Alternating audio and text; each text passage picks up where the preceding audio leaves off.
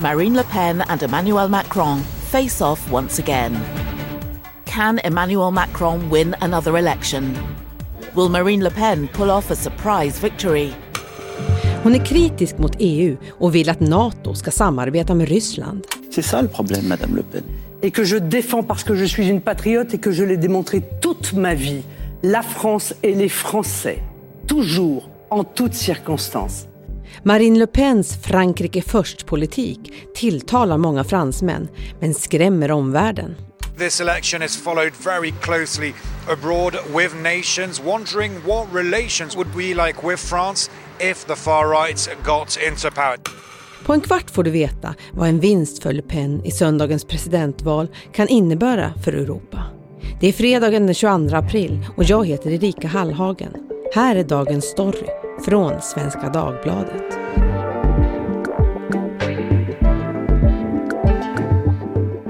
Fanny Härgestam, till vardags programledare för Dagens Story men just nu expertkommentator inför franska presidentvalet. Eh, på söndag smäller det, hur är känslorna?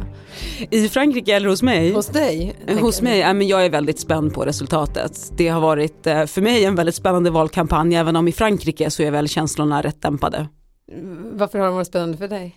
Nej men för att det är alltid spännande att följa fransk politik och det är ett väldigt eh, viktigt val och som har eh, en valkampanj som har förändrats mycket under, under tidens gång nu. Jag var ju här inför första valomgången och då visste vi ju än inte vilka kandidater som skulle gå vidare även om det såg verkligen ut som att Marine Le Pen skulle ställas mot Macron och så blev det ju. Och idag så ska vi fördjupa oss i Macrons utmanare Marine Le Pen. Eh, hon är ju vid det här laget en veteran i fransk politik. Hur skulle du beskriva den politik hon för? En ehm, högerradikal politik när det gäller framförallt invandring. Hon vill ju starkt begränsa invandringen till Frankrike, ha gränskontroller vid Frankrikes gränser. Hon vill begränsa till exempel familjeåterförening eller liksom helt stoppa den i perioder om nödvändigt. Eh, hon är också väldigt EU-kritisk. Hon har ju lämnat det här med att eh, Frankrike ska gå ur EU. Eh, men hon vill ju fortfarande liksom stöpa om EU och ha ett helt annat typ av internationellt samarbete. När vi pratade innan vi skulle spela in podden idag så sa du att Nationell Samling eller Nationella Fronten som de tidigare hette inte bara är ett vanligt parti utan också en familjesaga. Berätta. Ja men det är det verkligen. Det är en saga som har löpt parallellt med liksom den politiska utvecklingen för partiet. Då, liksom den här historien om familjen Le Pen, eller dynastin som den ofta kallas i Frankrike. De jämförs ju ibland så med Dallas och det finns referenser till familjen Adams. Jean-Marie Le Pen, ehm, Marine Le Pens pappa, grundade partiet men sen har liksom hela hans familj egentligen på olika sätt varit involverad i det här partiarbetet. Och vi ser hur liksom samtliga av hans döttrar, han har tre döttrar, Marine Le Pen har två, två systrar föräldrar. Eh, alla har ju varit liksom en del av den här partiapparaten. Och familjen levde ju under många år på Montretout som det heter, den här herrgården utanför Paris som också var partiets högkvarter. Där liksom allt hände. Eh, Jean-Marie Le Pens eh, för detta fru eh, har ju beskrivit hur liksom partifunktionärerna var där ute i korridorerna och sprang på toaletten liksom förbi hennes sovrum vilket drev henne till, till vansinne till slut och som gjorde att hon, hon lämnade honom. Men det är, en annan, det är en annan historia. Men som familjen har verkligen haft sin historia sammanflätad med partiets historia och det har varit väldigt dramatiskt också. Alltså historier om svek, kärlek, otrohet, skilsmässor. Under flera decennier så pratade inte Jean-Marie Le Pen med en av sina döttrar för att hon tog liksom fel, citattecken, fel sida eh, i en konflikt när partiet höll på att splittras till exempel. Mm. Eh, nu har de återförenats och, och talar igen med varandra men bara som ett exempel för att beskriva hur, hur familjens drama har spelats upp för, för öppen ridå i Frankrike.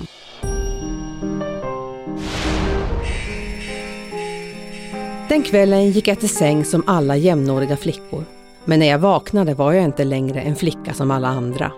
Så skriver Marine Le Pen i sin självbiografi om den bombattack som slet upp ett stort hål i familjens hus i november 1976 när hon var åtta år gammal. The target was Le Pens father, Jean-Marie Le Pen, a former paratrooper in the Algerian war who founded the controversial far-right National Front. Cette explosion, cet attentat Euh, visait de toute évidence à tuer, n'est-ce pas? À tuer aveuglément. Efter bombdådet flyttade familjen Le Pen till en lyxvilla i utkanten av Paris.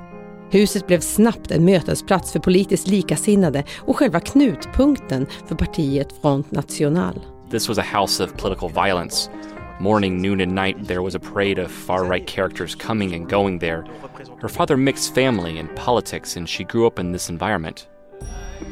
Mamman, Pierrette Lalaine, fick nog och rymde med en journalist som bodde i huset för att han skulle skriva en bok om hennes make. Skilsmässan blev dramatisk. När hennes exmake i en intervju i Playboy Magazine sa att Pierrette kunde ta jobb som städerska om hon behövde pengar svarade hon med att vika ut sig i samma tidning, endast iklädd ett litet förkläde. Skvallerpressen vältrade sig i den bittra familjefejden och 16-åriga Marine och hennes systrar ställde sig på pappans sida. Mon père, c'est quelqu'un dont vraiment je suis fière. Vraiment, j'en suis très fière. Je suis vraiment très heureuse de m'appeler Mademoiselle Le Pen. Et, euh... När Marine, som är yngst i syskonskaran, efterträdde sin far 2011 som partiledare för Front National blev det tydligt att hennes skandalomsusade pappa var ett sänke för henne. She can't stand his provocations about Nazi gas chambers and Marshal Pétain. And she thinks he's trying to sink her. I'm a French woman, a mother and a candidate for the presidency. 2015 uteslöt hon Jean-Marie ur partiet han själv grundat efter flertalet antisemitiska uttalanden. There's a big difference between Jean-Marie and Marine Le Pen. The father only wanted to provoke, the daughter aspires to real power. Marine Le Pen tog över efter sin pappa med ett tydligt mål. Alltså hon hade hela tiden makten i sikte. Det var uttalat och hon eh, bestämde sig eh, att vägen dit är att liksom bredda väljarbasen. Hon förstod tidigt att det måste hon göra och gå mot mitten i någon mån. Ehm, så att hon har jobbat väldigt mycket på att liksom, fila bort partiets eh, rasiststämpel, tona ner retoriken, omge sig med andra personer än vad hennes pappa omgav sig med. Eh, röra sig bort från så här, referenser till andra världskriget och Algerietkriget och sådana ämnen som, som, som hon bedömde som inte är relevanta för dagens fransmän och framförallt inte för unga ehm, och har eh, hela tiden nått större och större valframgångar ser vi. Eh, så att den här avdemoniseringen som det brukar kallas, eh, den, den har till viss del lyckats. Eh, I fjol kom du ut med boken En by i champagne där du belyser hur Le Pens parti Nationell Samling kunnat växa sig starkt. Vad var det du undersökte?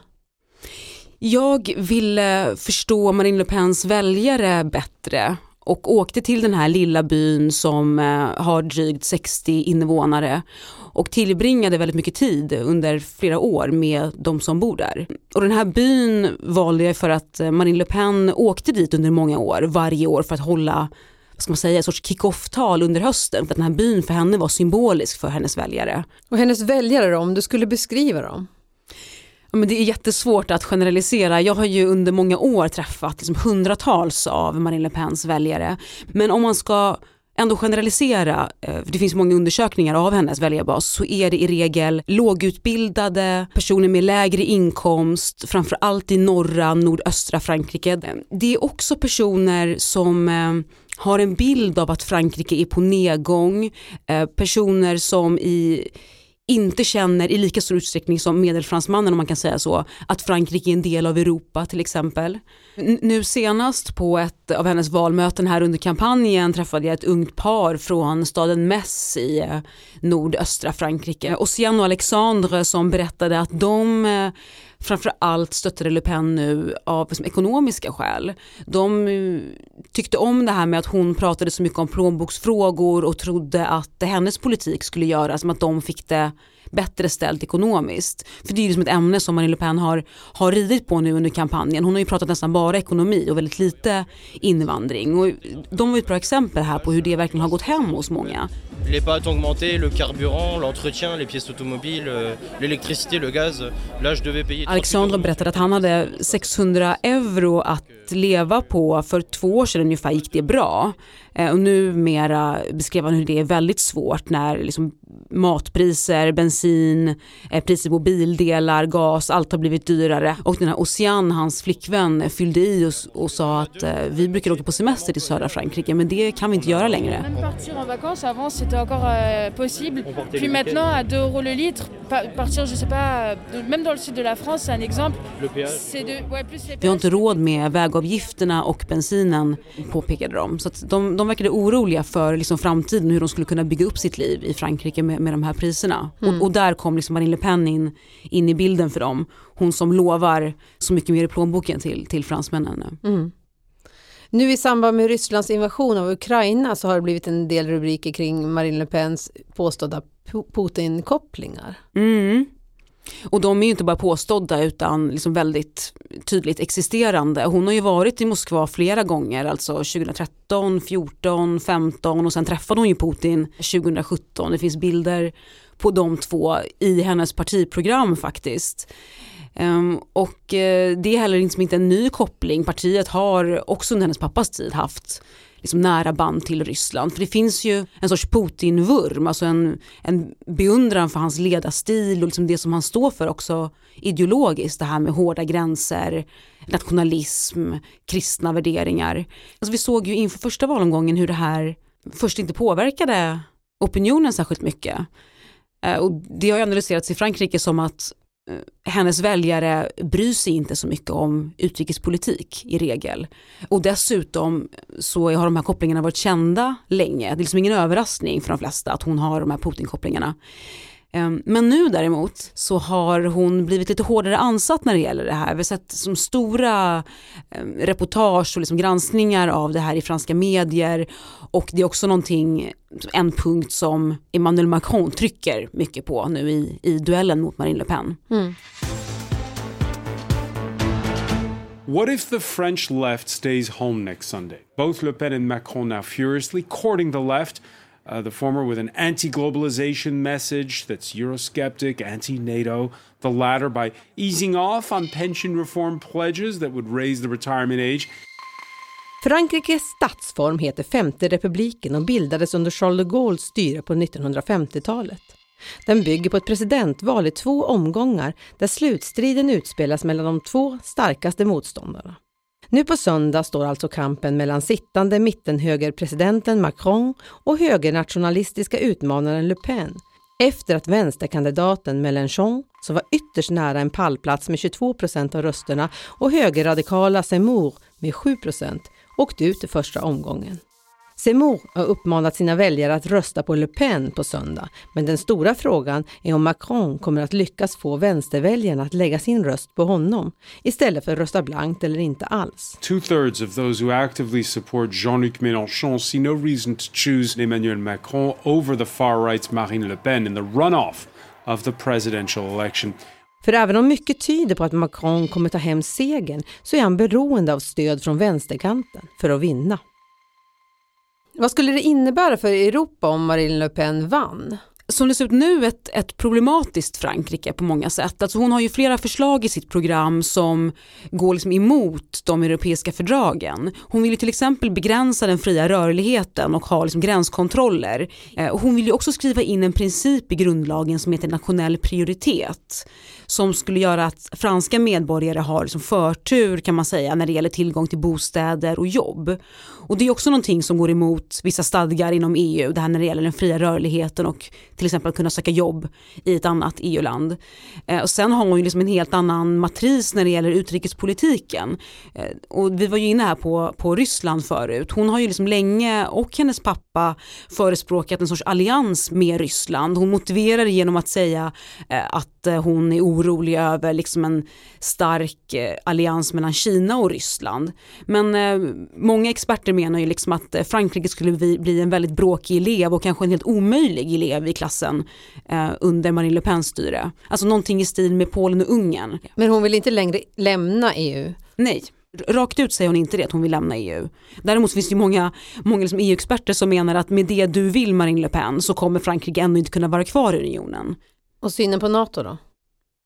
När det gäller NATO så vill hon lämna de militära strukturerna. Det här är någonting, Frankrike stod utanför dem under så många decennier men återanslöt sig 2009 under president Sarkozy. Um, men eh, där, där, där vill hon se liksom att, eh, att Frankrike lämnar dem nu. Nu när du har varit ute och snackat med väljare, vad är det för känsla du bär med dig inför helgen? Det har varit en, en märklig valkampanj på så vis att eh, alltså det franska valet är ju en sorts höjdpunkt i den franska politiken. Det är liksom ett, ett tillfälle när, när fransmännen i regel verkligen intresserar sig för politiken och många vill liksom se debatter, eh, stämningen stiger, det finns ett allmänt eh, ja, men nästan en feber och det har vi inte riktigt haft den här gången. Och det finns också en en rätt negativ känsla skulle jag säga i Frankrike. Alltså det som finns ett sorts eh, obehag och en oro som präglar det här valet. Vad tror du kommer bli avgörande för utgången då? Avgörande kommer vara vart eh, vänsterkandidaten Mélenchons väljare tar vägen. Det är om hans väljare som striden framför allt står nu. Och så som det ser ut i mätningarna så är det ju ungefär hälften av hans väljare som kommer ligga på sofflocket. Eh, och eh, en större del kommer rösta för Macron och en mindre del för Le Pen. Så ser det ut nu. Men å andra sidan, inför, det här är intressant, inför första valomgången så var det oerhört många fransmän som bestämde sig de allra sista dagarna. Och till och med, alltså jag tror det är ungefär eh, 18% bestämde sig inne i röstbåset. Mm. Och det tyder ju på liksom att det finns en väldig svajighet här. Så att liksom mycket, mycket kan ju hända nu, som allra sista biten. Mm. Spännande. Tack Fanny för att du kom till Dagens Story. Mm, men tack själv. Du har lyssnat på Dagens Story från Svenska Dagbladet. Vi som har gjort programmet idag är programledare Erika Hallhagen, redaktör Teresa Stenler von Matern och jag som producerade heter Kajsa Linderoth. Vill du kontakta oss så mejla till dagensstory.svd.se. Ljudklippen är hämtade från France 24, NPR, Ina Politik och AP.